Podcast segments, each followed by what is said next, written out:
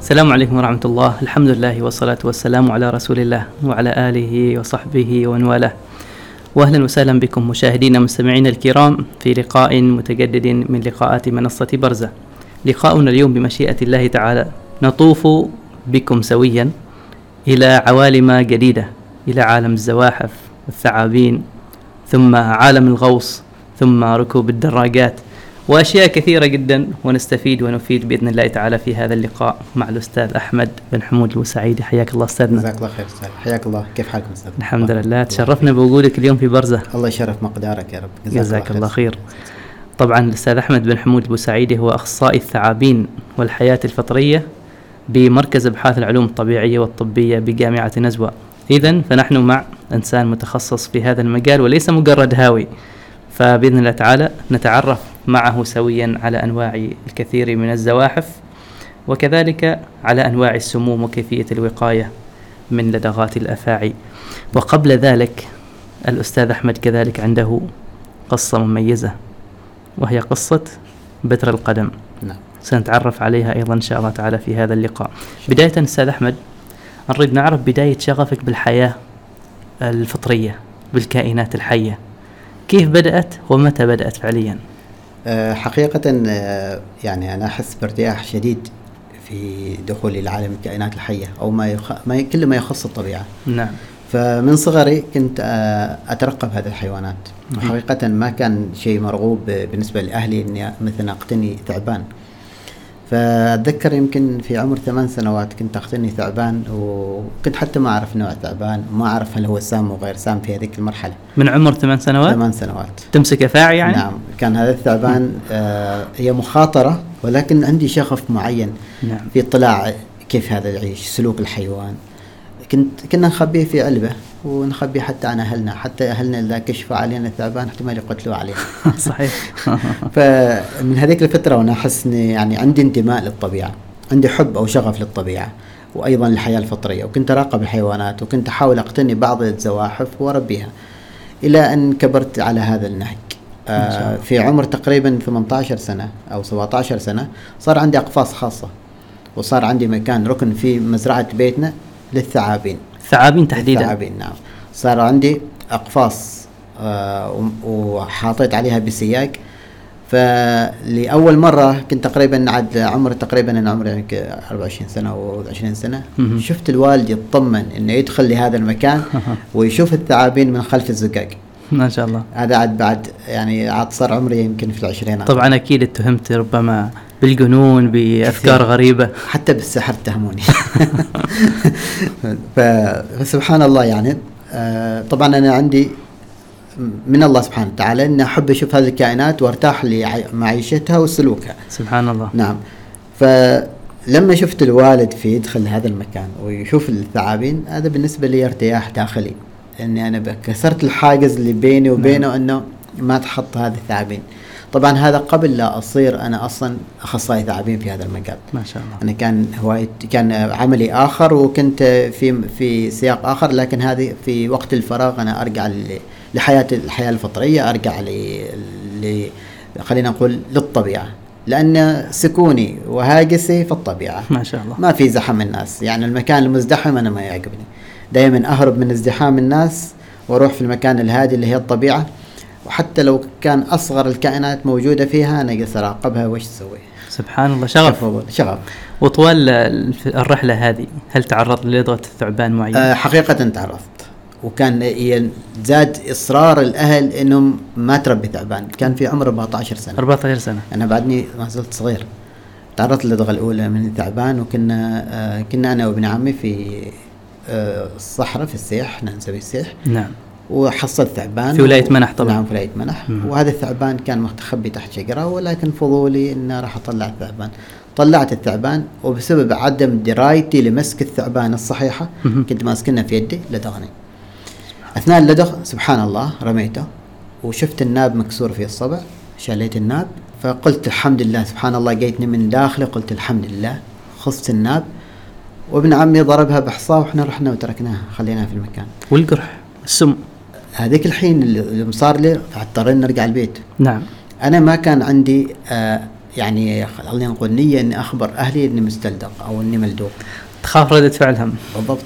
رحت دخلت البيت ابن عمي راح يبلغ علي وصار انه شالون وديوني المستشفى فصار عندي تسمم وترقدت بسببها يعني كان تسمم كبير لا حول ولا قوة. ترقدت بسببها ستة ايام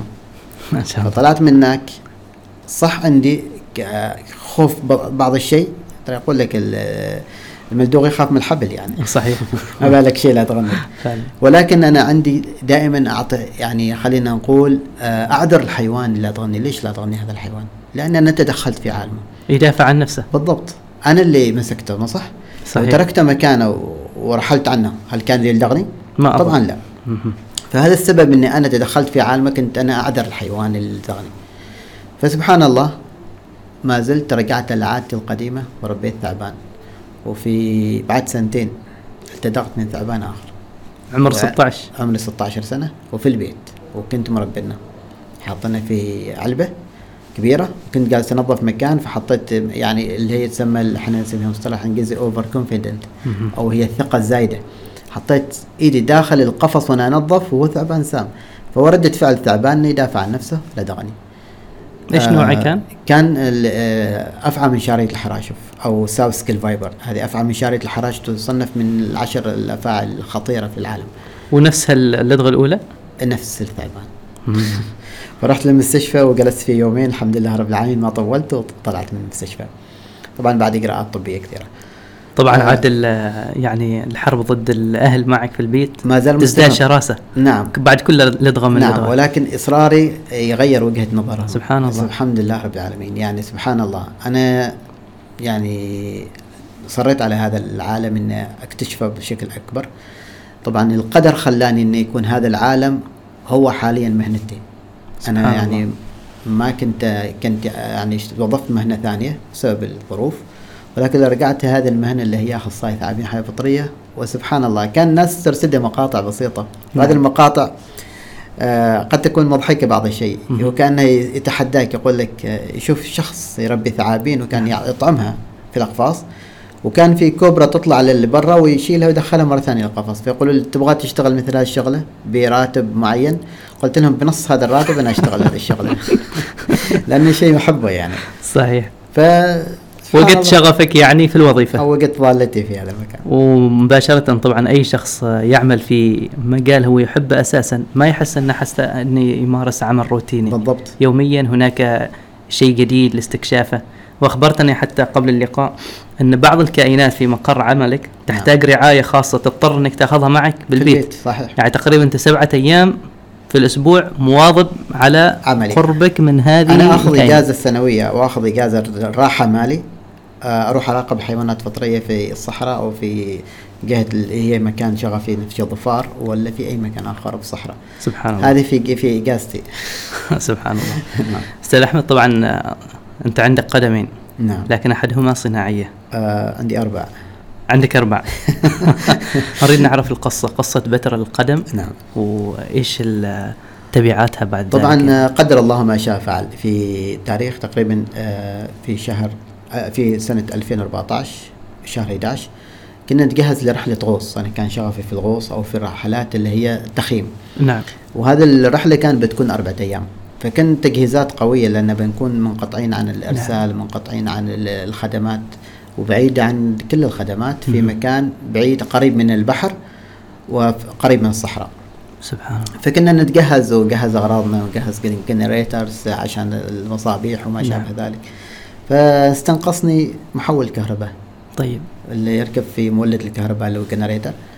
فقلت انا وكان حبي هذيك الايام كنت اسوق الدراجه الناريه كثير كان كنت اقتني دراجه وكان عندي دراج يعني وعندك شغف يعني في هذا عندي الجانب. شغف في هذا الجانب من س... هذا من زمان من يعني فتره طويله من عمر 15 سنه انا اسوق دراجه نعم. ولكن في هذه الفتره رجعت مر... يعني تركتها في 2008 مهم. وفي 2014 او 2013 رجعت لها مره ثانيه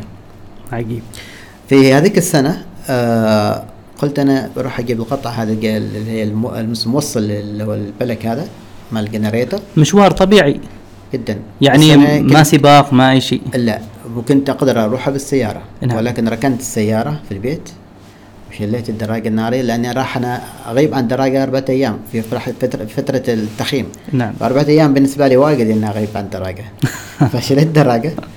ورحت ال- اشتري هذا ال- المولد او ال- البلك هذا وانا راجع في الطريق قدر الله ما شاء فعل دهورت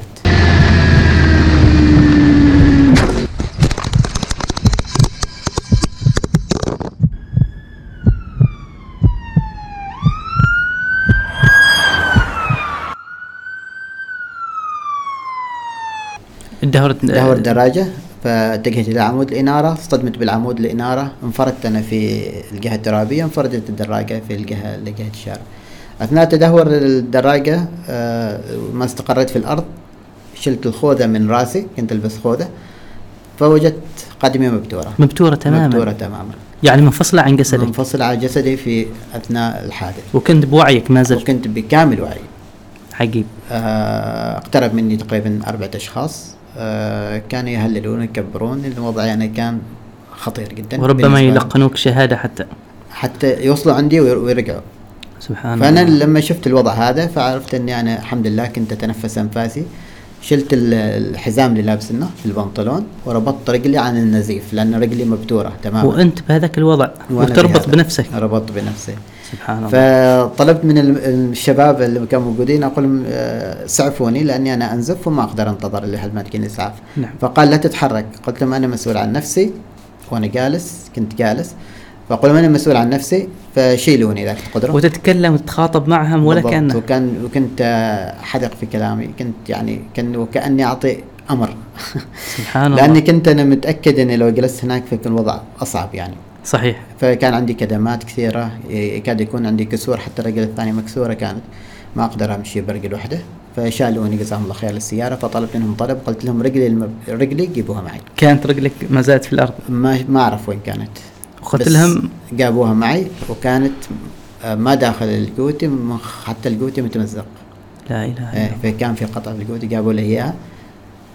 آه، دخلت المستشفى أصبت بالذعر هذيك اللحظة أنك صدقني اني كنت في حاله آه، كان قد يكون حاله آه، تنفس سريع اتذكر ولكن يعني ما كنت افكر الا كيف اعدي هذه يعني المرحله أكيد أنت مقبل الآن على حياة جديدة تماما حياة بالضبط. ما حياه بعد ال- غامضه حياه يعني يعني خلينا نقول بعد الانسان اللي كان احمد ال- ال- النشط آه، اللي يحب ال- الجبال يحب الغوص عندي اصدقاء كثيرين يحب هذا الشغف كيف بيكون بعد هذاك اليوم فرحت المستشفى آه، طبعا الاطباء جايونا قالوا لي رجلك ما تق- ما نقدر نرجع لك اياها حقيقي فقلت لهم الحمد لله اصروا اللي معاي اللي هم اصدقائي وهذا انه انتقل لمستشفى اخر بطلب منهم واصرار منهم ورحت لمستشفى متخصص في مجال العظام اكثر على أمل أن ترجع ال- على امل انها ترجع مره ثانيه وصار المستشفى في كان هذا الساعه 11 بالليل الحادث البتر من المفصل يعني ال- خلينا نقول ال- ال- يعني انسلاخ ال- القدم من المفصل نتق مش بتر نتق كيف ما يعني اللحم من العظم اللحم بالضبط عجيب. الحالة صعبة بصفها لكن حقيقية هذا كان سبحان الواقع الله سبحان الله حتى ما زال للحين عندي صور استرجع الذكريات واشوف الصور للحين ما زال موجودة عندي صور إيش الرجل المبتورة مو- موجودة عندي صور لكن ما أعرضها أبدا أه تحفظا لكن أه كنت حتى أفكر فيها أقول وش سبب بتر رجلي أنا ما أعرف وين ضربة رجلي السبب ما أعرف ولكن أول بترت سبحان الله الحين عندي انا يعني من الله سبحانه وتعالى هذا ت- خلينا نقول أخ- ابتلاء ابتلاء نعم نعم ولا نقول اختبار احنا لازم الحين اجتاز هذا الاختبار صحيح اجتياز هذا الاختبار ما سهل جدا يعني خ- ترى دائما اختبارات فيها 50% 80% فيها 100% طبعاً. فيها نسب فانت تجتاز هذا الاختبار لازم تبذل لهذا الاختبار وتدخل في أكثر من أطراف أنت عندك أسرة عندك زوجة عندك كل بالضبط. شيء عندي اولاد فكل شيء يتغير كل شيء تغير هل ابقى انا عن- يعني خلينا نقول معاق هل ابقى يجيبوا لي وخضعوني فانا كان عندي يعني في هذيك الفتره كان عندي حتى سبحان الله امل كبير الشباب اللي اللي يعني ينتظروني كان عند السيارات اللي اجيب القطعه جوني المستشفى فطلبني وقلت لهم رحله لا تتكنسل كملوا رحلتكم بدوني سبحان الله قال ان شاء الله هم مزوا لي راسهم يعني كانوا يقولوا يعني ما وقت الحين الحديث يقولوا لي ان شاء الله فيجلس الم علي وكانوا ح- و- هم جدا يعني مذعورين وانا كنت احاول ابادلهم بابتسامه عجيب رغم آه، يعني ضعفي في هذاك الوقت لكن انا احاول ابادلهم ابتسامه ان انا بخير اخبرهم ان انا بخير الامل عند الله موجود. انتقلت إلى مستشفى آخر في مسقط من نزوة إلى مسقط نعم. آه لما صعدت باللفت كان في شخص عزيز علي وكان يغوص معي كثير آه اسمه فيصل يزيدي ركب معي اللفت فانتبهت له خلفي فشفت علي وانا كنت نايم في السرير طبعا الدكتور قبل قال لي انه خلاص رجلك ما ترجع لك لكن تروح لمرحله اللي هي التجميليه وتسكير الجرح اللي تروح للعمليات غرفه العمليات فقلت له ما انا حاضر جاهز فاثناء الوصول في, في اللفت يعني آه فيصل كان منزعج كثير كان حتى عيونه حمراء سبحان الله كان آه، يعني ظاهر انه بكى كثير على الموضوع يعني متأثر سمع- يعني. اي لان احمد مبتور الرجل ف مم. آه، ما كان يتكلم قلت له فيصل قال لي نعم قلت له متى نغوص ما قدر يتحمل فيصل الوضع بكى مره ثانيه طلع من لفت وراح لابناء عمي قال لهم احمد يعرف ان رجله مبتوره قالوا له احمد ما يعرف. أيوه. متاكد يعني يقول معقول يقول هذا الكلام ايوع هو مبتور رجل يمكن ما يعرف الوضع يعني يمكن كان مغمى عليه وصحى على هذا الوضع يعني ما يعرف سبحان ايش الله. صاير له فقالوا لا احمد يعرف قال لهم قول- قول لي يا احمد يمكن كان مخدر يقول لي كلام يعني ما يستوعب العقل هو بالنسبه له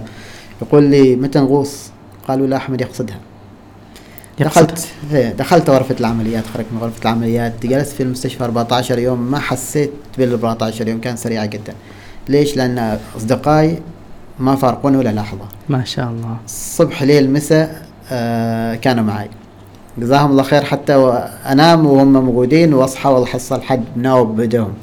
فكان ما خليه لي فت فتره ولو اخليها لو ساعه ما جلس بروحي ما شاء يمكن الله. يمكن الخلوه اللي هي دوره مياه تكرم نعم. فقط طول الوقت معي لذلك لازم كل شخص لذلك رساله يحرص على اختيار اصدقائه رساله يعني لا تفرط في اهلك ولا اصدقائك تعرفهم وقت المصيبه او وقت ال- الازمات او وقت الضعف سبحان هم الله. هذا الأصدقاء الصح اللي تعرفهم كانوا يفكرون لي بح- بحيل أو بطرق أرجع للغوص فأقول لهم خلوني دول حاليا حاليا بعدني ما زلت يعني في مرحلة نقاهة نعم مريت ثلاث شهور وسافرت آه لتركيب طرف صناعي مم. آه كان طلبي أول ما وصلت لجمهورية ألمانيا قلت لهم أريد طرف ممكن أقدر أغوص به مرة ثانية تحت في البحر مواصفات بعد قبل لا اطلب طرف المشي طالب طرف النوقوص فقالوا لي متوفر كل شيء معنا كان عندهم كتالوج وكانت تخ- عندك الخيارات كثيره متاحه حسب ال- الاشياء اللي تريد آه، تعملها بهذا بالضبط. الطرف نعم. الصناعي وكان كان كنت انا مطلع على نوع من الاطراف قالوا لي هذا قديم عندنا الحين تطور اكثر من هذا سبحان رغم انه في الله. طرف متطور اكثر ان ال- بدل ما تستعمل اللي هي المفك عشان تحرك ال- القدم اثناء الغوص هذا تست... هذا تكون بالضغط فقط تضغط وتتحركها وفيها القفل وفيها كل شيء هذه تسهل لك عمليه الغوص وكيف التحكم فيها يعني طبعاً. قبض و- و- وضم هي- وغيره هي آه، رجل كامل تلبس عليها الزعنفة وتفتحها مثل حركة الأقدام مفتوحة طول الوقت فقط يبقى عليك التجديف تسهل جدا عملية الغوص وكيف تحركها يعني مربوطه بالاعصاب مثلا لا الركبة ما زالت عندي الركبة طبعا أنا إيه، البتر نعم. تحت الركبة نعم وهي الركبة اللي هي أحرك فيها آه القدم أنا ما تتحرك عندي نعم. فلكن بالركبة أقدر أحرك رجلي كلها جميل بهذه الطريقة آه جلست يمكن شهرين في يمكن شهر كامل في التأهيل الطبي عندهم في المانيا نعم والشهر الثاني في تجربة القدم الحمد لله من أول يوم أنا لبست القدم الصناعية مشيت ما شاء الله عندي كان جدا آه، شغوف وعندي آه، أمل إني أمشي فالحمد لله من الله سبحانه وتعالى مشيت يعني من أول تحتاج يوم. الى تاهيل معين نعم. بالضبط البعض ياخذها اسبوع البعض ياخذ شهر كامل لحد ما يتاهل بالطرف صناعي لحد ما- يعني هي القدم غريبه عليك على جسمك سبحان الله لحد ما يبرمج عقلك آه، بوجود القدم وتعرف تتحكم فيها في بالها فتره لان ما فيها اعصاب ما فيها ما اي فيها شيء. اعصاب هي حديده نعم صحيح هو يعني. كوب يركب على مكان الرجل وقدم فقط فكل هذه الموازنه أو أك- ايضا انا اشيد في الصناعه كانت ممتازه ما جدا شاء الله حتى الطبيب اللي هو كان يسوي لي القدم صناعيه كان يفتخر فيه يقول لي اريد اصورك وانت تمشي لاول مره يعني اول مره اشوف يعني المسموم مريض يمشي من اول مره يعني ما شاء الله الحمد لله فدخلت العياده بالعكاز طبعا انا دخلت العياده كثير لكن لما طل- لبست الطرف الصناعي خرجت بدون عكاز وكان عندي صوره آه، اشوفها كان هي انتقال داخل اصلا بالعكاز خارج العكاز كنت شايل لنا في كتفي واصور صوره انه واق- واقف بطرف صناعي وتمكنك القدم هذه من القري مثلا آه، لا، هي ط- هي ما تمكنني ولكن انا قريبها في اقدام خاصه للقري وعندي اياها ولكن يعني هي يعني يحتاج لها مضمار خاص وما شابه ذلك نعم لكن انا اقرا بالقدم هذا اللي الحين نلبسها اقرا فيها اللي هي ما ما قرا السريع جدا نعم لكن هي قرا بسيط. الهرولة البسيطة. نعم هرولة بالضبط والحياة بعد ال- البتر هل تغير شيء في أحمد قبل وبعد البتر؟ نعم تغير كثير تغير شفت ال- كيف كنت انا بد- بقدم صنا... بقدم يعني طبيعيه وكيف انا بقدم صناعيه هذه رحمه من رب العالمين سبحان الله. طبعا كنت افضل انا اعتقد لكن انا اقول الحين رب الله سبحانه وتعالى اعطاني مهله 32 سنه امشي بقدم طبيعيه نعم. وبعد 32 سنه اللي هي مرحله صار فيها البتر كان عمره 32 سنه بالقدم صناعيه فالله سبحانه وتعالى يثبت لي كيف كنت وكيف الحين فانا اقول الحمد لله من قبل من بعد الحمد لله هي ايضا فتح لي افاق جديده فتح لي حتى آه، افكار جديده آه، ما رجعت للخلف الحمد لله اول ما رجعت من رحله ال- هي رحله العلاج نعم آه، رجعت على طول طبعا آه، قررت لي رحله طقوس على طول ما شاء الله يعني عمر البتر الحين ستة أشهر بالضبط من يوم صار البتر إلى أنا ركبت قدم صناعية لأن أنا رحت أول رحلة غوص فكان أنا أصلا أحب الغوص وكنت أوصل لمستوى تقريبا 15 متر بغوص حر بدون سلندر تحت سطح قبل الحادث تحت الماء 15 متر هذا قبل الحادث فأنا الحين بطرف صناعي هل أراح أرجع لهذا المستوى مثلا؟ مهم. آه، كان بالنسبة لي يعني خلينا نقول تحدي كبير أول رحلة غوص كنت أنزل بشكل لولبي ما كنت مستقر لأن الرجل تخ- مختلفة علي بعض نعم. الشيء لحد ما بديت أزعنف بالطريقة الصحيحة ونزلت الحمد لله ل 13 متر تقريبا ما شاء الله من وصلت 13 متر كان في بالي أنا أول أقول إني وصلت 15 متر وما مسوي دورة غوص حر نعم يعني أنا في هذيك المرحلة عندي مرحلة الغرور إني أنا وصلت ل 15 يعني ما أحتاج. هواية ما زالت هواية إلى الآن نعم بدون دراسة أكاديمية بدون شيء سابقا ايوه صحيح والتغوص بمعدات غوص آه، لا غوص حر أو- بدون- لا غوص حر بكل المعدات اللي هي الزعنفه بالستره الستره اللي لبسها السوت القفازات النظاره الب- السنوركلينج كل الاشياء موجوده عندك. أكسجين بدون اكسجين بدون أكسجين هذا اسمه الغوص الحر اللي هي كتم النفس واحد تتنفس على السطح تاخذ نفس الاح- الاحتياجي تعبي صدرك وتنزل تحت سبحان إيه. الله فبعد ال- ال- ما وصلت ل 13 متر في فترة اللي هي ال- بالطرف صناعي فكرت في اني ادخل دورة غوص حر لأن دورة غوص الحر لازم تاخذ لازم عندك متطلبات تنجزها مهم. اذا ما تو- توصل لهذه المتطلبات انت ما تاخذ الليسن فعشان اثبت للناس ان انا قادر دخلت هذه الدورة هي ثلاث ايام تأهيلية الاولى آه نظري الثاني تطبيقه في الحوض الثالث ترجع تروح للبحر طبق اللي تعلمته خلال اليومين الماضيين طيب الحمد لله رب العالمين نزولي كان ممتاز لان تحت تحت تغير النزول تحت اشراف آه، مدرب غوص وصلت ل 18 متر 18 متر 18 متر وانا بقدم صناعي وكنت اول بدون قدم صناعي ل 15 متر فالحين زاد 3 متر وانا بقدم صناعي ما شاء الله الحمد لله مع الاصرار والتدريب المستمر وجزاهم الله خير يعني الكابتن آه، يحيى الذه- الهوتي هم الاثنين يحيى الهوتي ويحيى الذهلي هذا هذا مدربين اثنين كانوا يوقفوا معي ما شاء الله فيحيى الهوتي كان يدربني في هذيك الفتره نعم آه، جزاه الله خير وصلت لين 18 فاصر اني استمر مهم. وصلت لل 20 ل 24 وصلت لل 27 كان انجاز بالنسبه لي كبير 27 27 متر بعدين وصلت الى 31 متر ما كغوص شاء حر، الله. وانا بقدم صناعي فلما وصلت على هذا المستوى انا كان عندي ليفل 1 اللي هو المستوى الاول من الغوص الحر وقررت اني اسوي المستوى الثاني المستوى الثاني هو مستوى تعزيزي انا مم. اوصل تحت هذا المستوى يعني انا انا كوصولي ل 30 متر تحت مستوى اللي هو المستوى الاول وتحت المستوى الثاني لكن كتعزيزي خضيت المستوى الثاني وكان سهل جدا بالنسبه لي لأنه هو فقط- متعود خلاص. ايه فقط عشان اخذ الليسن المستوى الثاني وعندي اهلني اني اخذ المستوى الثالث فاستق... استم... يعني استكفيت بالمستوى الثاني لحد الحين آه بعد وصولي 30 متر الحين ارسم اني اصل الى 40 متر ان شاء الله تعالى عندي الطموح من فتره طويله ولكن لحد ما شاء الحين ما وصلت خلال تاهيل طبي آه، تاهيل آه، خلينا نقول آه، آه، تدريب خلينا نقول آه، بذل من الوقت لانه يحتاج لك تدريب مستمر يعني هو استاذ احمد علميا كم ممكن الانسان يغوص؟ آه. كم متر؟ عادي في ناس وصلت ل 100 تحت ال 100 أم- مين؟ 130 100 يعني فسيولوجيا ممكن جسم الانسان يتحمل الضغط يتحمل- العالي؟ يتحمل عندنا من الابطال العمانيين وصل ل 111 ما شاء الله نعم في عمان نعم، كابتن عمر الله يعطيه الصحة والعافية هذا إنسان نفتخر فيه صحيح بدا كغواص آه، هاوي الى مدرب غوص الى الحين يكسر الارقام القياسيه عندنا اكثر من شخص يعني في عمان في شخص في النف... قطع النفس لان انا نفسي لما سويت في الحوض ثلاث دقائق ونص في عندنا ناس ثمان دقائق ثمان دقائق قطع ثمان دقائق نفس وفي انسان يقطع نفس آه كطبيعي يعني بدون اي اضافات للتنفس البيور اكسجين ولا غيره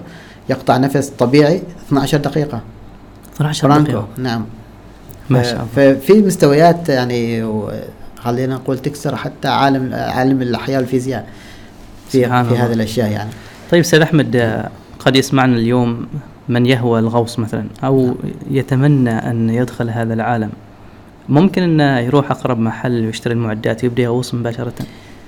ممكن تك- كتجربه ولكن دائما نقول بدون رفيق لا تغوص أهم مهما كان تعرف غوص ولا ما تعرف بدون رفيق لا تغوص حتى لو انت خبير غوص حتى لو انت مدرب غوص دائما نقول لك آه، رفيق او ما يصطلح الانجليزي البادي مهم. دائما يكون رفيق معك ولكن لما تقرب هذه العدات افضل انك تروح تاخذ كورس او تاخذ دوره غوص انا ضيعت سنيني من 2006 الى ان صار الحادث 2014 دخلت دور اول دوره غوص تقريبا 2015 آه، تعلمت فيها اشياء كثيره ما كنت اعرفها كنت اعتقد ان انا اوصل 15 متر ان انا وصلت 15 متر ما احتاج دوره غوص بالعكس دوره الغوص راح تعلمك كيف تنقذ نفسك في حاله صار لك غرق كيف تنقذ زميلك تزع نفس صحيحه طريقه حبس النفس آه، امكانياتك ايضا راح تفتح لك افاق اللي تنزل الاعماق وانت بامان راح تعرف قدرتك في حبس النفس واشياء اخرى كثيره تتعلمها يعني دوره الغوص الحر او دورات هي دائما هي المهمه في كل شيء لا تروح تجازف بحياتك او تهدر وقتك مهم. دخل دورة غوص عشان تطور من ذا- من ذاتك وتوصل المستوى اللي الناس سبقوك فيه نعم انت ما قاعد تخترع شيء جديد هذا الناس سبقوك في هذا العالم لكن راح توصل لمستوى ناس يعطوك الخبره مالهم فعشان تكمل وانت بامان ان شاء الله تعالى طيب استاذ احمد اللي يغوص في ب- بداياته مثلا نعم. هل ممكن شيء تغيرات فسيولوجيه تحصل له تغير مثلا في الالوان في الضغط شيء معين يحتاج تاهيل معين الالوان ما يتغير بس الضغط هي معادله الضغط مهم. ايضا الراحه النفسيه في الغوص شيء عجيب ترى يعني سبحان الله انت لما تروح البحر وتغوص تخرج منك عندك ارتياح ذاتي من كل مشاغل الحياه عجيب ان كانك شحنتك الس- الطاقه السلبيه فرغتها في البحر سبحان هي الله راحة جدا جميلة ممكن يشعر بها كل غواص مهم. معظم الغواصين يشعر بهذا الشيء فالغوص هي راحة نفسية وأيضا رياضة راح تشوف كائنات أنت ما شفتها في البر طبعا سبحان الله ألوان عجيبة من المرجان والأسماك دعوه للتامل في خلق الله بالضبط أنت اليابسة 21 آه، بالمية من آه، من الكرة الأرضية 79 بالمية هي ماء صحيح. أو بحر فال 79 فيها عالم آخر فيها أكيد. كثير من الأشياء الجميلة يستحسن والأفضل أنك تقرأ وأيضا تاخذ دورة غوص دورة الغوص راح تفتح تفتح لك آفاق سمعت ان توجد غرفه في المستشفيات لمعادله الضغط او ما شابه نعم إيه، اسمها تشمبر اللي هي موجودة في أعتقد في بركة أو في هو دام الساحل وحدة وأعتقد في أحد المستشفيات الحين نعم. تستخدم الثانية. لايش بالضبط؟ هي علا- آه، يعني علاج ال- بالاكسجين او مع هي في علاجين هي ص- اصلا موجوده لمعادله الضغط اللي يصير كان يغوصوا بالسلندر اللي هو بال- بالاسطوانه الغاز وكان في عمق من آه، تع- في عمق الماء وفجاه طلعوا لاي ظرف كان سواء آه، ترى هي شيء اسمه نقطه اسمها سيفتي ستيب او نقطه ال- السلامه لازم توصل فيها يعني كم انت غصت تحت الماء بسلندر طبعا مش الغوص الحر مهم. الغوص الحر مختلف تماما في يعني آه، في خلينا نقول قوانين اخرى نعم فلما تطلع لازم توقف هذه الوقفه تتخلص من نيتروجين في الدم اذا طلعت فجاه راح تتولد عندك فقاعات نيتروجين في الدم فقاعات نيتروجين في الدم هذه تعيق حركه الدم داخل الجسم سبحان الله. وتسبب لك مشاكل اخرى ممكن تكون الشلل او الموت بسبب السلندر التنفس تحصل؟ بالضبط لانك انت غايص في ضغط آه، مرتفع وتطلع فجاه فيصل لك فقاعات نيتروجين بالدم لذلك دائما ال- ال- الشخص اللي هو ملم بدورات الغوص نعم يعرف المستوى اللي هو يطلع فيه وياخذ وقت طبعا ساعات الغوص الحين تعطيك هذا الوقت اذا ما عندك ساعات غوص عندك آه، جدول معين انت كم غصت آه، توقف في نقطه آه، السلامه لحد بعدين ما توقف في تتخلص نقطة- من كل آه، كل نيتروجين النيتروجين الموجود في الدم والغواصين بشكل عام يعرفوا كل هذا ال- وطبعا الغواص الحر ما يحتاج لمثل الغوص الحر يحتاج هذا فقط في اشياء نادره جدا جدا جدا لما ينزل ينزل على اعماق تحت تقريبا تحت ال 90 يمكن 100 100 متر مهم. في الطبيعي اللي هو احنا نغوص على 20 على 30 ما تحتاج هذا الشيء طيب آه، تشامبر هذا الغرفه هذه ايش آه، غرفه معادله الضغط اذا انت تتخلص من النيتروجين هذا هي تعادل لك الضغط وكانك انت تحت البحر في عمق 20 متر او عمق 30 متر حسب ما كنت وتبدا تطلع بالتدريج مهم. تبقى في الشمبر يمكن ما يقارب 8 الى 12 ساعه يمكن اكثر احيانا سبحان اللي هي الله. غرفه معادله الضغط ويعالجوا فيها الحين بالاكسجين اللي هم عندهم قرغرينه وما يقدروا يوصلوا ل- اعتقد الدم الى هذه الاماكن فينزلوهم فيها كانه كانه غايص نعم. وتكون تعزيز الاكسجين م- لل- للخلايا التالفه اكثر جميل صار لك حادث معين اثناء الغوص حادث اذكره يعني اصابه لا ما صار صار لي اصابات آه، مضحكه بعض الشيء السمكه بالنسبه لي نعم سمكه شكلك عندك اخبار كنت ابحث عنك نوعا ما آه، طبعا آه، صار مره واحده كنا نغوص بالليل طيب آه، بالليل بالليل مصباح ليلي وكنت غايص عمق بسيط يمكن خمسة متر وانا اطلع السمكه هذه نوعيتها ان تتبع ال- الاناره او انها خلينا نقول ت- آه، تجذبها الاناره كثير سمكه المنشار ولا ايش؟ هي الاسم ال- يسميوها المصطلح الخليجي حاقول مهم. اعتقد هنا يسميوها نفسها مران هي فيها بوز طويل نعم والقصيرة يعني ما واجد طويلة ولكن تت- آه، خطيرة جدا يعني في حالات وفاة من هذا النوع من السمك سريعه جدا التطمت في خدي ثقبة الخد واللسان يعني هي توعه الضوء عندك أنا كنت شال كشاف فهي تبعت ال- الضوء وارتطمت في خدي بهذه السرعة أنا أول ما جاني التطام فكرت إن حد قاسي مازحني يعني من جماعتي اللي هنا من هذا اللي ضربني بهالطريقة فأبحث يمين شمال ما شفت ما كنت مستوعب اي شيء وهي يعني- السمكه خلاص ما لها وجودها ضربت وهربت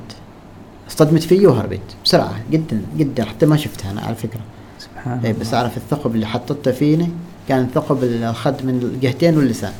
لا اله الا الله بحركه سريعه رحت المستشفى شكوها من بهذه البساطه شكوها بس واستمريت اسبوع ما غصت بعدين رجعت للغوص عادي سبحان الله الحمد لله نريد نغوص ايضا في عوالم الافاعي ايضا نعم ولكن بعد هذا الفاصل القصير شاء إذا الله. المشاهدين الكرام فاصل قصير ونعود إلى عالم الأفاعي فلا تذهبوا بعيدا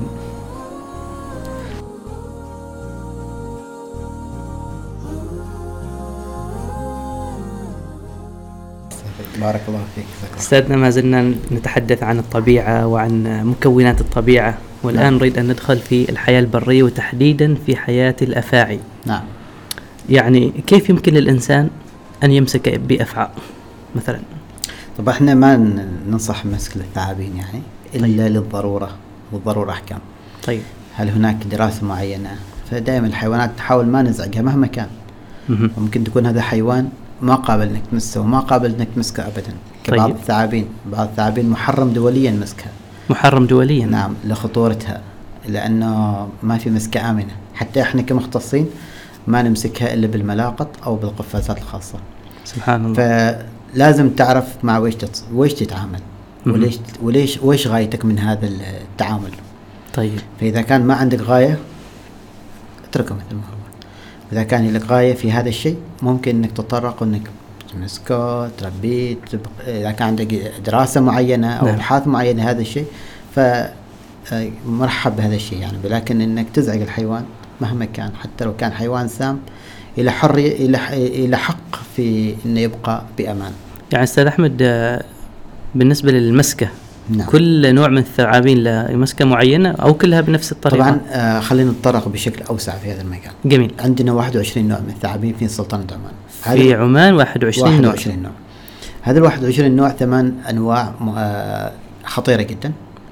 ف- نوعين متوسطة السمية نوع واحد ضعيف السمية والباقي غير سام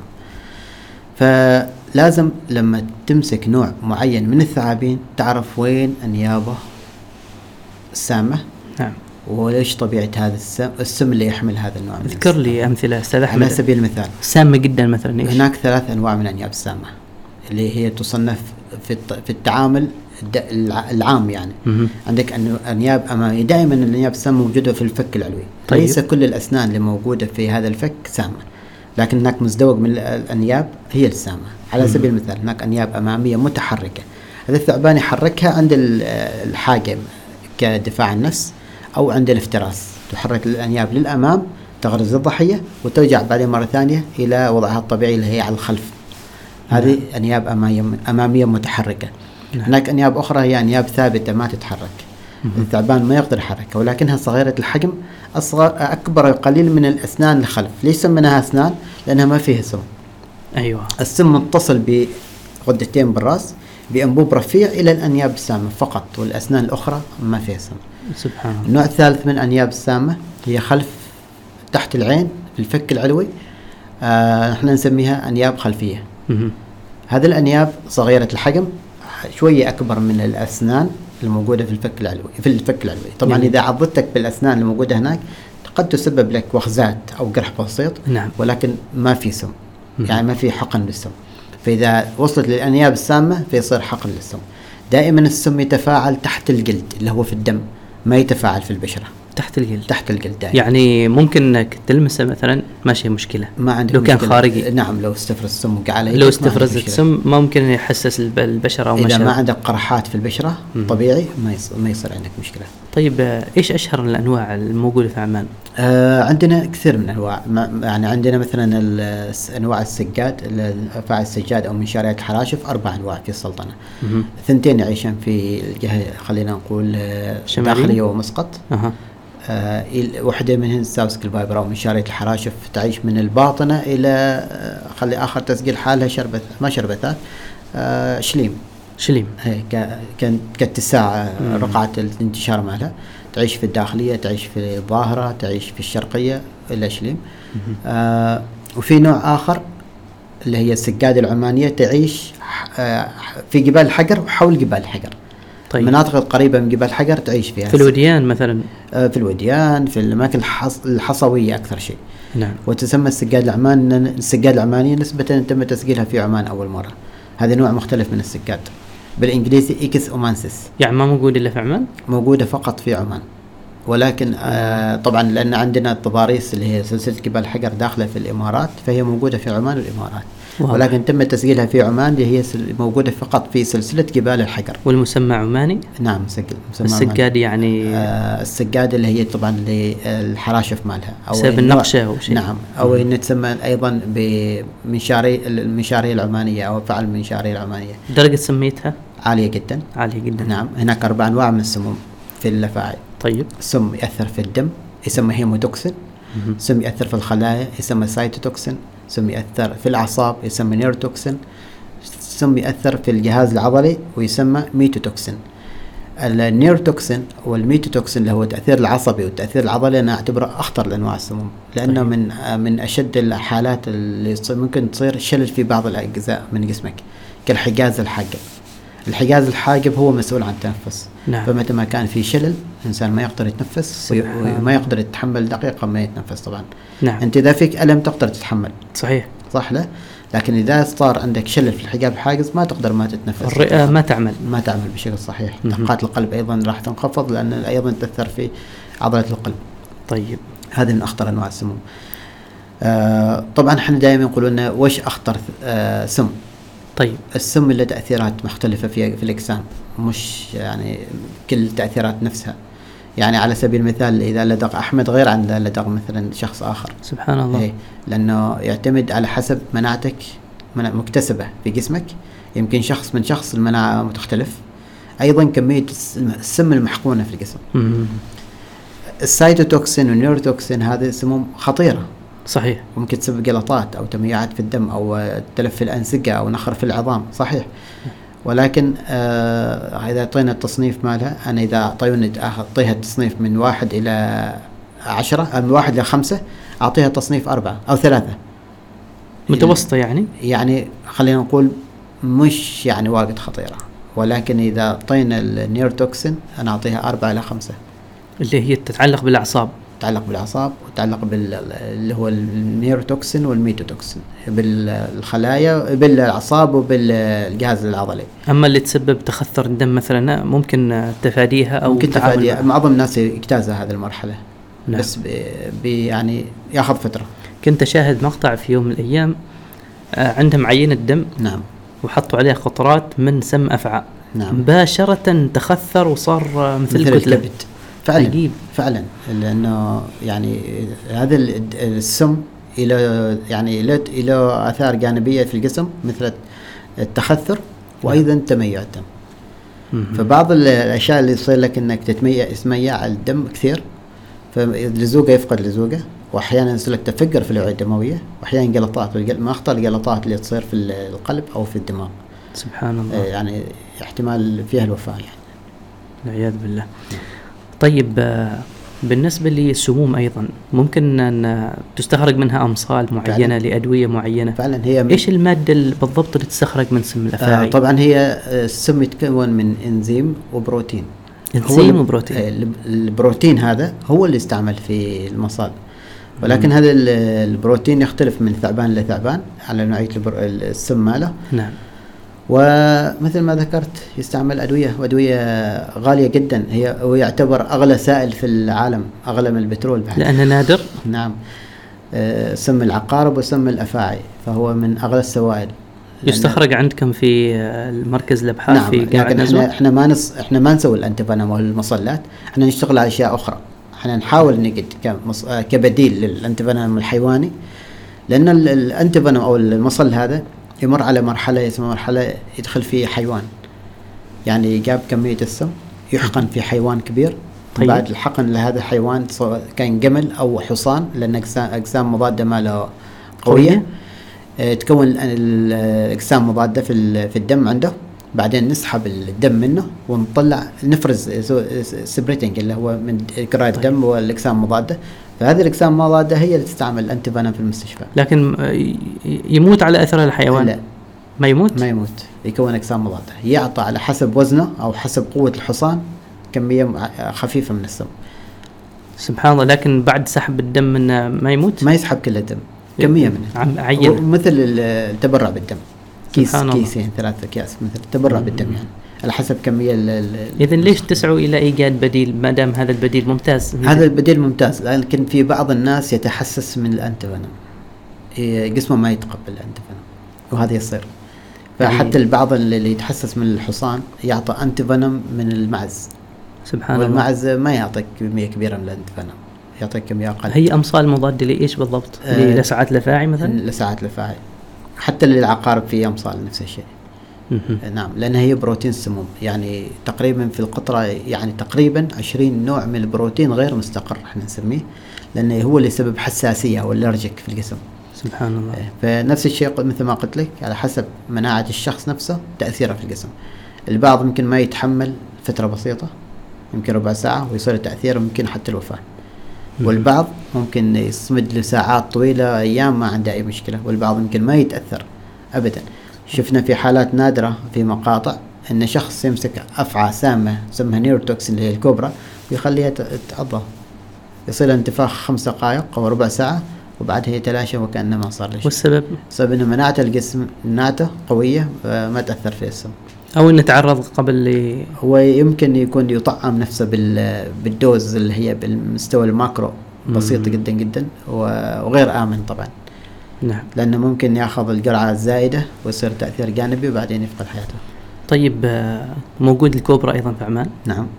في موجودة. ظفار فقط. في ظفار طبعا الكوبرا اللي عندنا اسمها الكوبرا العربيه هي مش آه، كوبرا دخيله ولكنها مستوطنه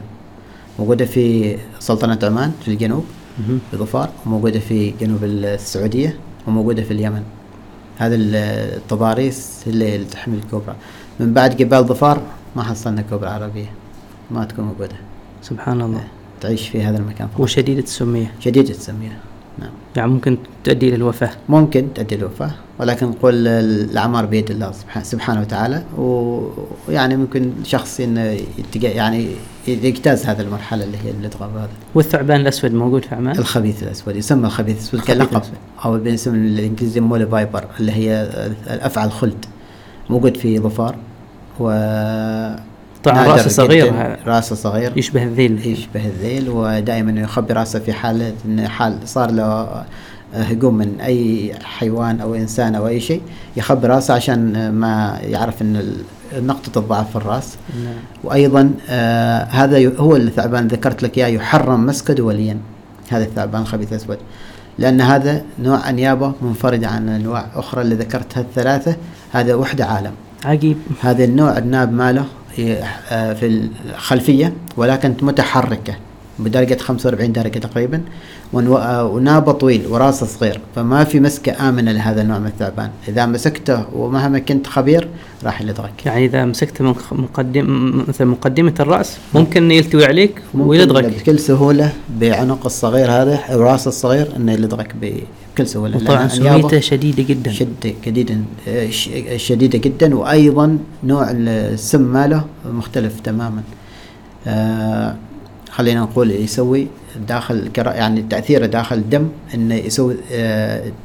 تم اسمه إيه؟ سكويز أو آه، يعني يضمح لي كريات الدم ال- ال- نعم. الح- المسمى الحمراء فجدا خطير يأثر في الدم ويأثر في الجهاز العصبي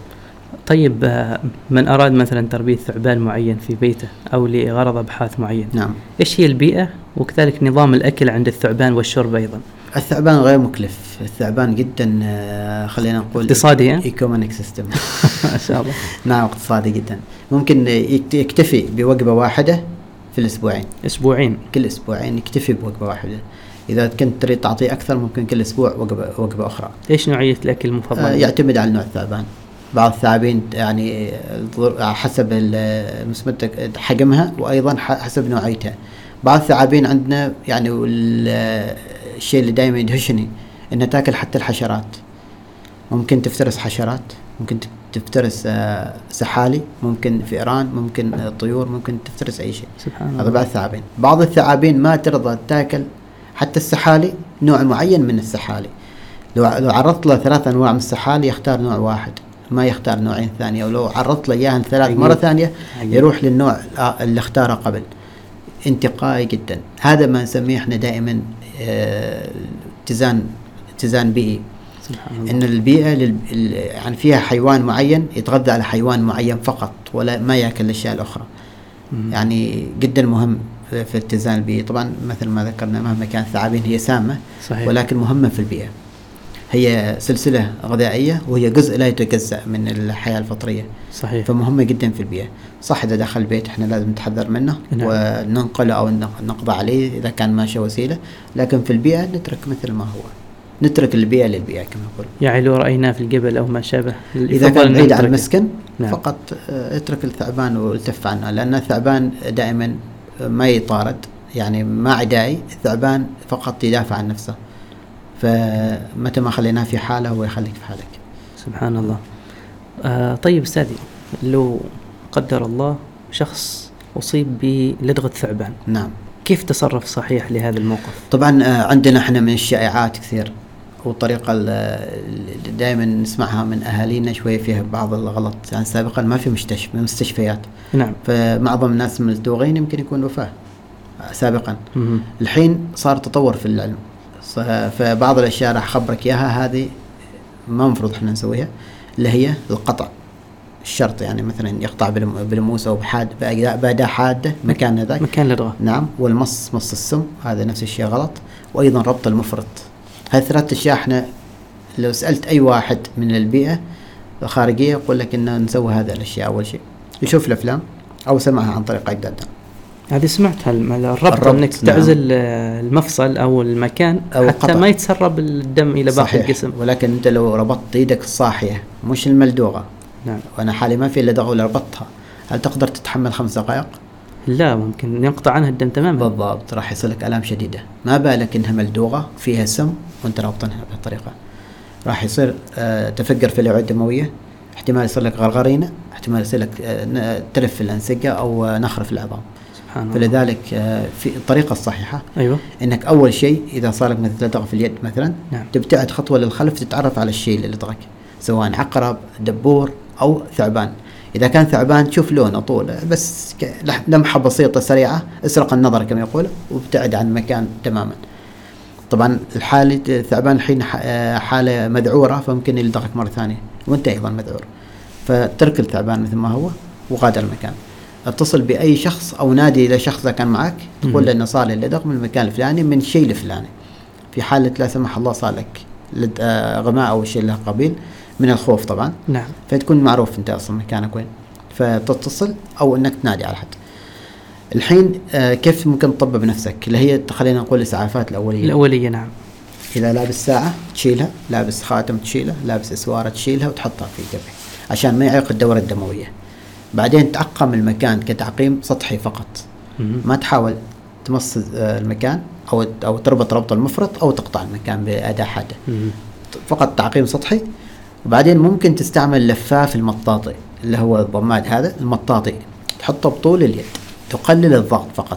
طيب. طيب. ما تخلي واجد مشدود على يدك يعني ما تعيق الدورة الدموية وتراقب أصابعك إذا تغيرت اللون البنفسجي أو للأخضر معناته الد- أن الدم ما يمشي بالشكل الصحيح تبطل هذا اللفاف وتحطه بطريقة منظمة أكثر وتحطه بوضع الجبير عادي ممكن هالطريقة عشان ما تحرك العضلات لأن العضلة كل ما حركتها بتألمك يدك بشكل كبير نعم. بتحطه بهذا الوضع وتروح لأقرب نقطة موجودة فيها السيارة حاول لا تركض حاول لا تكون خيفان تطمن لأن في أشياء ممكن تعرفها أنك تفيدك هذا الشيء نعم. نعم. وتروح لأقرب نقطة آه، من السيارة لأقرب مركز صحي أو طيب. نعم. لأقرب مستشفى مرجعي أفضل شيء ومن هناك عاد راح ياخذ فحص دم وراح يعطوك القرعة المناسبة من المصل طبعا الأشياء اللي قلت لك إياها لا تكون لا تكون خ- خائف في احتمالات أن الثعبان غير سام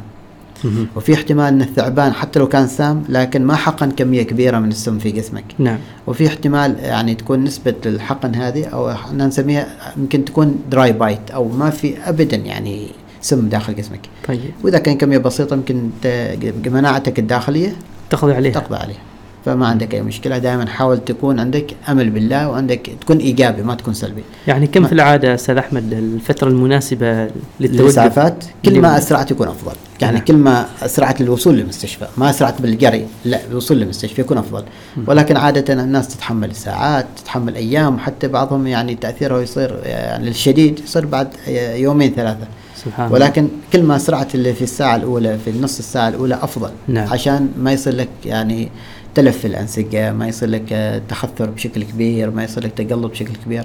لما يعطوك المضاد الحي المص... المضاد او المصل هذا راح يخف آه، الالام وتخف السم بشكل ايش نوع طبيعي. المضاد اللي مع نفع ما نستخدمه؟ آه يسمى مكس انتفان يعني مكس. اي نعم يعني يحوي كل انواع السموم اللي موجوده في السلطنه او يحمي معظم انواع السموم الموجوده في السلطنه طلعت عليها حقيقه شفت النشره يعني ما فعال. شرط انهم يعرفوا نوع الثعبان اللدغي؟ آه نوع الثعبان اللي بس فقط عشان تاكد انه سام وغير سام نعم فقط لانه ممكن يكون سام لكن ما حقن آه سم وشوي يبقى متحيرين هذا يمكن ثعبان غير سام مم. او يمكن حقن كميه بسيطه وعندك تاثير بسيط ما ما يبين في قراءات الدم يعني جميل فقط لمعرفة النوع الثعبان أما كمعرفة السم ما يحتاجه لأنه هو الفحص الس- آه، الدم اللي يأخذوه في المختبر نعم. هو اللي بيبين فيه كل شيء ممتاز نعم. طيب هناك مثل عماني يقول اللي تفح ما ما تتلذذ تلذذ. صحيح ذا المثل؟ آه، أنا حللته بشيء آخر طيب طبعا اللي تفح معناته راح تخبرك بمكانها وبالتالي أنت ما بتروح لها بالتالي هي ما تلغاك لكن إذا ما فحت فأنت يمكن ما تعرف مكانها وتروح تتقرب منها وتلغاك فإذا فحت معناته خبرتك مكانها وحذرتك لا تقترب مني هذا جميل. وورنينج مهم. كل ال- ال- الثعابين اللي هي سامة عندنا احنا تفح صحيح ولكن اللي تفح انت تشوفها فما تقترب منها إيه. لكن فعليا اذا فحت ممكن انها تلدغ هي سامه ممكن انها وتلدغك. تفرز أيوة. السم لكن اذا فحت وش معناته؟ هي شايفتنك وهي تحذرك لا تقترب مني، بالتالي انت شفتها وادركت انها موجوده فما بتروح لها. مهم. هذا هو القاعده ان اللي تفح خبرتك بمكانها واذا رحت عاد تحمل تحمل اللي يجيك. شفت لك بعض المقاطع آه، في الليل تحديدا ساعات نعم. متاخره من الليل يروح باستمرار أنا. تبحث عن افاعي ليش بالليل بالذات يعني؟ آه طبعا ايش في نشاط الثعابين مختلف على فترات آه الصيف والشتاء. طيب في الصيف آه، بعض الثعابين تهرب من حرارة الشمس الساطعة وتطلع بالليل تنشط بالليل وبعض الثعابين تحتاج آه، إلى التشمس أو درجة من الش... من الح... آه، الحرارة وتظهر بالنهار معظم الثعابين عندنا أو خلينا نقول نسبة كبيرة اللي تظهر بالنهار غير خطيرة في الصيف ولكن ما كلها واللي تطلع بالليل معظمها خطير سبحان الله إيه، خاصة ال- الحيات الفايبرز وهذا تطلع بالليل لكن فانا اروح على هذا الاماكن لاني اعرف فيها نوع من الثعابين ويستهويني اني اشوفها لأنها تعتبر نادرة معظم الناس اللي تشوف ثعابين للأسف تقضي عليها مع أنها هي نسبة مثل ما قلت مثل ما ذكرنا هي جزء لا يتجزأ من البيئة اي نعم والثعابين اللي تظهر اسفل آه، رمال بديه نعم في أنواع احنا ال- آه، اللي هي تحت الرمال هذه يسميوها العمانيين نداس أو أصلة الرمال العربية هي غير سامة حقيقةً غير سامه نعم وكثير من ال- الاشاعات تظهر انها سامه بعض بعض يقول لك اذا لحستك او اذا عضتك ولا اذا 12 ساعه ويبدا التاثير بعض يقول لك 24 ساعه يبدا التاثير بعضهم يقول لدغتها والموت قل ونقول له جربت حد من اهلك جرب قل لا بس سمعنا نعم ولكن المختبرات الطبيه والاختبارات العلميه والقراءات والكتب يبين لك انها غير سامه وانا جربتها حقيقه بنفسي ما شاء الله يعني معظم اللي اشوفه واشك فيه اجربه بنفسي انا سبحان الله نعم وهي غير سامه طيب استاذ احمد ايضا آه، لك آه، يعني هوايه وهي تصوير الحياه الفطريه نعم. كيف بدات ايضا هذه الهوايه؟ حقيقة أنا من فترة طويلة يعني 2008 2007 حص يعني أصور ولكن ما بشكل احترافي كتوثيقي آه، من 2017 آه، زاروني أحد الزملاء اثنين كانوا نعم وكانوا يعرفوا أن عندي ثعابين فقال بين صور ثعبان فشلت ثعبان ورحنا طلعنا للبر عشان صوره بطريقة خلينا نقول في بيئته فشفت نتائج صورهم جدا جميلة أذهلتني زوايا قلت وين أنا وين أنا من هذا ال- الإبداع نعم فحقيقة يعني من هذاك اليوم أنا قلت لازم أوصل لهذا الوصول اللي هم وصلوا له لازم ممتاز. أوصل له لأن أنقل الحياة الفطرية وجمالها بالكاميرا فتعلمت التصوير آه، ل- ل- بهالطريقة يعني بشكل احترافي أنا أسميه لأن هم محت- محترفين ما شاء الله عليهم نعم تعلمت معهم آه، هذه الطريقة وحاولت أوصل لمستواهم فالحمد لله يعني ما شاء الله يعني نتائج مرضية بعض الشيء جميل هو حلو انك تنقل آه، الحياه الفطريه اللي الغامضه الى آه، بع- بعين ال- خلينا نقول بعين ال- المصور الى الناس عامه صحيح فينظر لها بنظره اخرى يعني بعض الناس يقول انا اكره الزواحف ولكن بن- بك انت حبيتها ما شاء الله لاني بديت اشوف فيها اشياء أنت ما كنا نشوفها جميل يعني كان يشوفها بتص- بنظره مرعوبه فالحين لما تشوف صورها فشويه تخف الرعب طبعا لك حساب ادفنشر عمان في الانستغرام نعم ادفنشر دوت عمان اللي هي مغامر عمان نتابعه باستمرار ما شاء الله جزاك الله فيه كل جديد الحمد لله ايضا آه، لديك شغف بالمغامرات داخل السلطنه نعم هل هناك من ارشادات معينه في هذا المجال آه نعم أكيد طبعا آه، دائما ننصح مثل ما نصحنا في الغوص دورات الغوص نعم. ننصح في المغامرات أنك تتبع آه الشخص اللي هم ذوي خبرة في المكان وأيضا تأخذ دورات آه تكفيك يعني للمسارات الجبلية على سبيل المثال إذا تريد تروح الحبال لازم تستعمل الحبال من شخص خلينا نقول أستاذ في هذا الشيء وممكن تاخذ دورات في تسلق الجبال في دخول الكهوف آه، في المشي الجبلي تتعلم من الناس آه، ترافق اللي هم ذوي الخبرة الناس ذي الثقة تتعلم منهم سبحان الله أيوة. ولازم آه، معدات معينه نعم نعم لازم الحبال معينة تكون آه، ذو معرفة في صيانتها أدوات اللي تستعملها ذو ع- عالية الجودة آه، عد- يعني نفس الشيء تروح مسار معين أو تنزل إلى آه، كهف معين يحتاج تعرف الأغراض اللي راح تستعملها صحيح. واللي تنقذ حياتك واللي ترجعك مرة ثانية أنت ما بس تنزل أنت تطلع أيوة. الطلوع لها معدات أخرى ولك لازم يكون عندك إلمام باستعمال هذه المعدات وأيضا لازم يكون عندك رفيق دائما وهناك الان فرق فرق مغامرات معينه ما شاء الله عليهم مبدعين مبدعين الشباب العمانيين في هذا الم- الجانب مبدعين ما هي ما هو طموح الاستاذ احمد مستقبلا اول شيء في الغوص اوصل 40 متر ان شاء الله تعالى ويمكن نوصل 40 ما نرضى غرورنا نوصل اكثر جميل آه، طبعا في مسارات الحمد لله انا اكتتها في عمان ولكن في مسارات ما زال يعني معلقه في ذاكره وان شاء الله تعالى راح انجزها آه، الحمد لله دخلت اكبر كهف, آه، كهف او اكبر غرفه كهفيه في عمان لو مجلس ك- كهف مجلس الجن دخلت آه، اصعب الكهوف عندنا في عمان ووصلتها لكن ما زال عندي طموح اني ادخل كهوف اخرى وان استمر في هذا المجال لانها هي آه، تنشيط للجسم وايضا لل- لل- للمخ يعني صحيح وتفكر في خلق الله سبحانه وتعالى وفي الزواحف بلا شك الافاعي بلا شك هذا اجدها ما في الكهوف اجدها برا شيء عندك طموح آه، تقابل ان يكون ده نعم، في مثلا عندي طموح اني آه، اكمل يعني في هذا المستوى في هذا المجال واني اوصل لشهاده عليا في هذا المجال ان شاء الله تعالى جميل جميل نعم. هل من كلمه اخيره تريد ان توجهها الى جمهورك ك- دائما نقول خلي يعني دائما نقول العبارة اترك المكان خلينا نقول مثل ما كان أنا أقول لك خلي المكان أنظف من ما كان ممتاز وحاول تكون خفيف الظل في زياراتك للمكان المكان اللي تشوف فيه أوساخ ممكن إنك تنظف مكان ممتاز واقل القليل انك تشل تشل الغرض اللي انت جايبينها يعني مثلا اذا كان عبوه ماي انت شلنا فيها ماي ما ترميها هناك نعم. شيلها معك ترجعها اللي هي العبوه الفارغه يعني صحيح هذه من جهه البيئه وايضا الحياه الفطريه آه، طبعا عمان تزخر بحياه فطريه آه، متنوعه في نعم. عمان عندنا تقريبا 75 نوع من السحالي عندنا 21 نوع من الثعابين عندنا خمس انواع من السلاحف عندنا عشر انواع من آه، افاعي البحار هذه كلها تشكل آه، حياه فطريه متنوعه صحيح تنوع الحياه الفطريه في عمان تنشط السياحه الداخليه نعم وايضا تنشط آه، خلينا نقول الطبيعه لانها ما خلقت عبث هذه الحيوانات كل لها دور في هذه الحياه فحاول ان ما تاذيها حاول انك ما ت- ما تتعبث فيها اترك الحياه مثل ما هي خليك خفيف الظل في زياراتك دائما في الاماكن الطبيعيه ولا تنسى نفسك ودائما آه، يعني توثق نفسك بالدورات جميل. عشان تعرف ت- آه، تعرف تتصرف في حاله صار لك شيء لا سمح الله شكرا لك الاستاذ احمد بن حمود البوسعيدي شكر لكم ولدعوتكم الكريمه تبارك الله سعداء بهذا الحديث الشاق وبالتأكيد وأنا نقلنا تجربة رائعة ومعلومات غنية بإذن الله تعالى للمشاهدين شكرا لكم أيضا مشاهدينا ومستمعينا الكرام على أمل أن نلقاكم بمشيئة الله تعالى وتوفيقه في لقاءات متجددة من لقاءات منصة برزة تحت سقف واحد